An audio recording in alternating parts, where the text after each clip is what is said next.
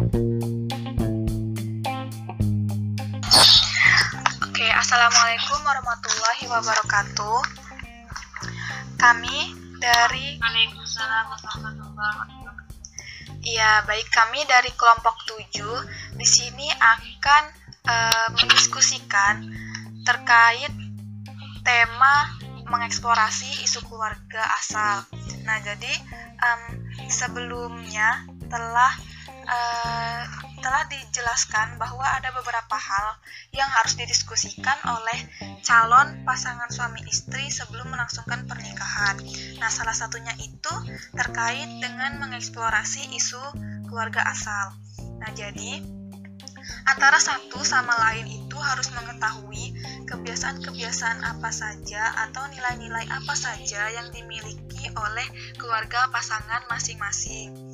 Hal ini dilakukan untuk mengurangi miskomunikasi yang terjadi setelah pernikahan, Em, juga untuk meminimalisir em, permasalahan-permasalahan yang a- yang bisa muncul dari eh, miskomunikasi tersebut.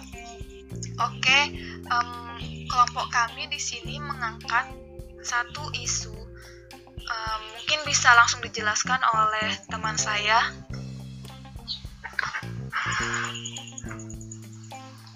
Ya, di sini saya akan em, mencoba menjelaskan tentang isu yang kami ambil, yaitu tentang bahas tentang calon suami istri yang gagal menikah gara-gara eh, apa namanya gara-gara masalah tempat tinggal nantinya ketika sudah menikah.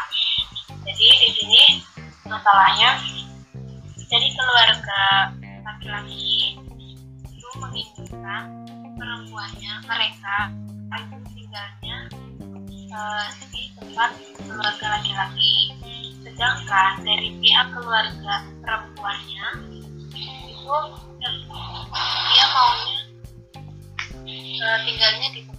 perempuannya itu. Nah, menurut teman-teman bagaimana nih tanggapannya? kalau di lihat dari isu tersebut kita harus mengetahui em, apa ya dari keluarga kedua belah pihak tersebut misalkan eh, dari keluarga perempuannya kan dua bersaudara dan eh, anak yang laki-laki itu tidak eh, tinggal dengan orang tuanya. Dia kerja di luar negeri. Nah eh, kalau pihak laki-laki kami belum tahu pasti. Nah kita harus mengetahui eh, dari kedua belah keluarga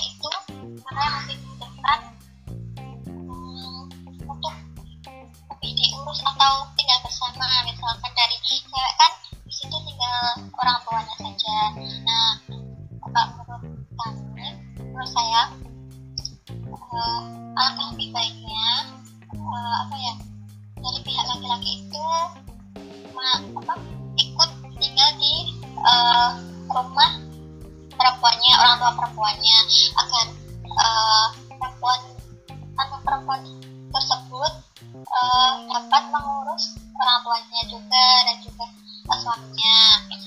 tapi tidak tidak selamanya juga bisa se- sesekali eh, menginap di em, rumah keluarga laki-laki seperti itu.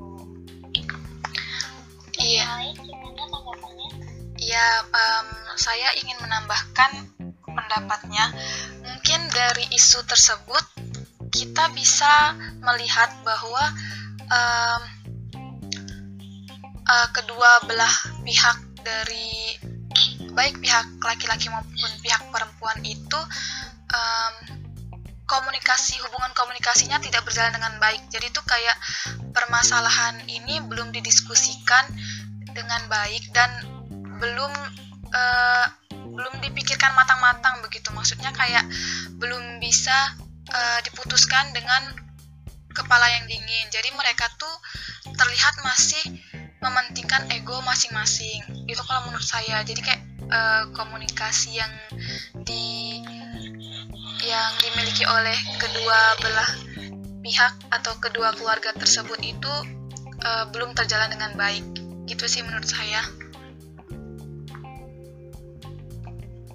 Ya, uh, kurangnya perencanaan juga mungkin dalam pertemuan itu belum bahas uh, secara rinci uh, ke depannya seperti apa seperti itu. Iya, Prof. Baik, berarti hmm, ini terjadi karena kurangnya komunikasi ya antara uh, antara kedua kedua pihak keluarga kemudian apa masih masih kurang matang dalam membicarakannya ya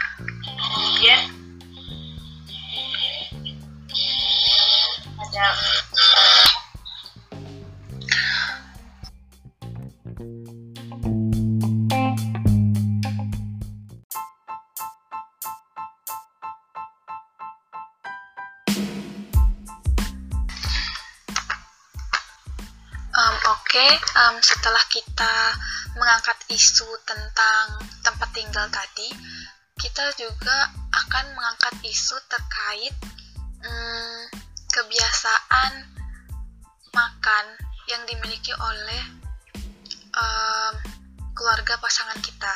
Jadi di sini um, keluarga dari pihak laki-laki itu punya kebiasaan um, setiap anak yang baru menikah itu harus tinggal bersama harus tinggal di rumah itu dulu di rumah keluarga laki-laki itu dulu selama sebulan. Karena kebetulan keluarga laki-laki itu um, tinggal bersama keluarga besar gitu. Jadi bertujuan untuk mengakrabkan diri dengan keluarga besar. Nah di keluarga itu juga punya kebiasaan melakukan makan malam bersama. Jadi itu uh, uh, seluruh keluarga wajib mengikuti makan malam bersama jam 7 di rumah tersebut. Jadi itu kayak apa pun meskipun eh sesibuk apa pun tetap anggota keluarganya harus udah ada di rumah pas jam makan malam. Nah kalau menurut teman-teman terkait isu tersebut gimana?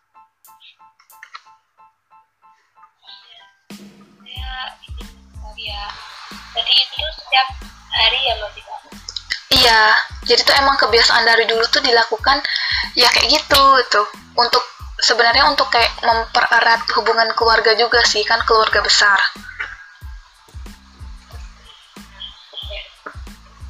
Jadi menurut saya jika memang itu sudah merupakan kebiasaan lama dari dulu sudah tertanam itu di keluarga laki-laki itu uh, apa maka itu menjadi penting untuk didiskusikan sebelum menikah ya.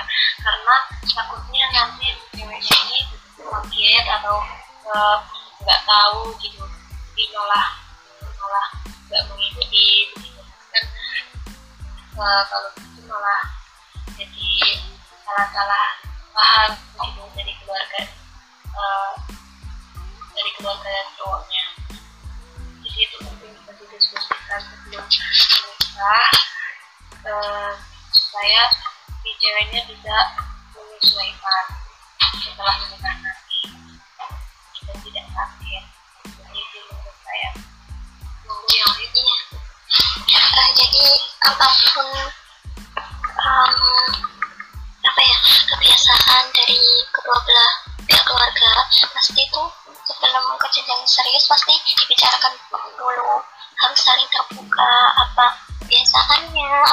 bagaimana latar belakangnya di, di keluarga itu sehingga kita bisa menyesuaikan seperti itu. Emang awal-awalnya itu pasti menyesuaikan secara perlahan nah, dan kalau udah kebiasaan pasti biasa seperti itu. Iya betul sekali. Um, mm -mm. Jadi um, dapat kita simpulkan dari isu tersebut tuh bahwa di sini um, ketika sudah bersatu nanti, eh ketika sebelum ber, se, sebelum menikah mereka harus mendiskusikan terkait kebiasaan-kebiasaan itu juga. Dan um, berarti uh, ketika sudah memutuskan untuk melakukan pernikahan uh, itu tandanya uh, si perempuan sudah bisa menerima kebiasaan yang dimiliki oleh pihak laki-laki tadi sehingga bisa menyesuaikan dengan baik. Namun dibalik itu semua juga uh, harus terus dilakukan komunikasi yang terbuka. Jadi misalnya kalau ada uh, kendala apa pun bisa disampaikan uh, dengan baik gitu ya. Oke, okay, um, mungkin uh, cukup sampai di sini dulu diskusi kita terkait um, mengeksplorasi isu keluarga asal. Um, sekian dari kelompok 7. Terima kasih kepada teman-teman semua yang sudah mendengarkan diskusi kami. Mohon maaf apabila ada kata-kata yang salah. Wassalamualaikum warahmatullahi wabarakatuh.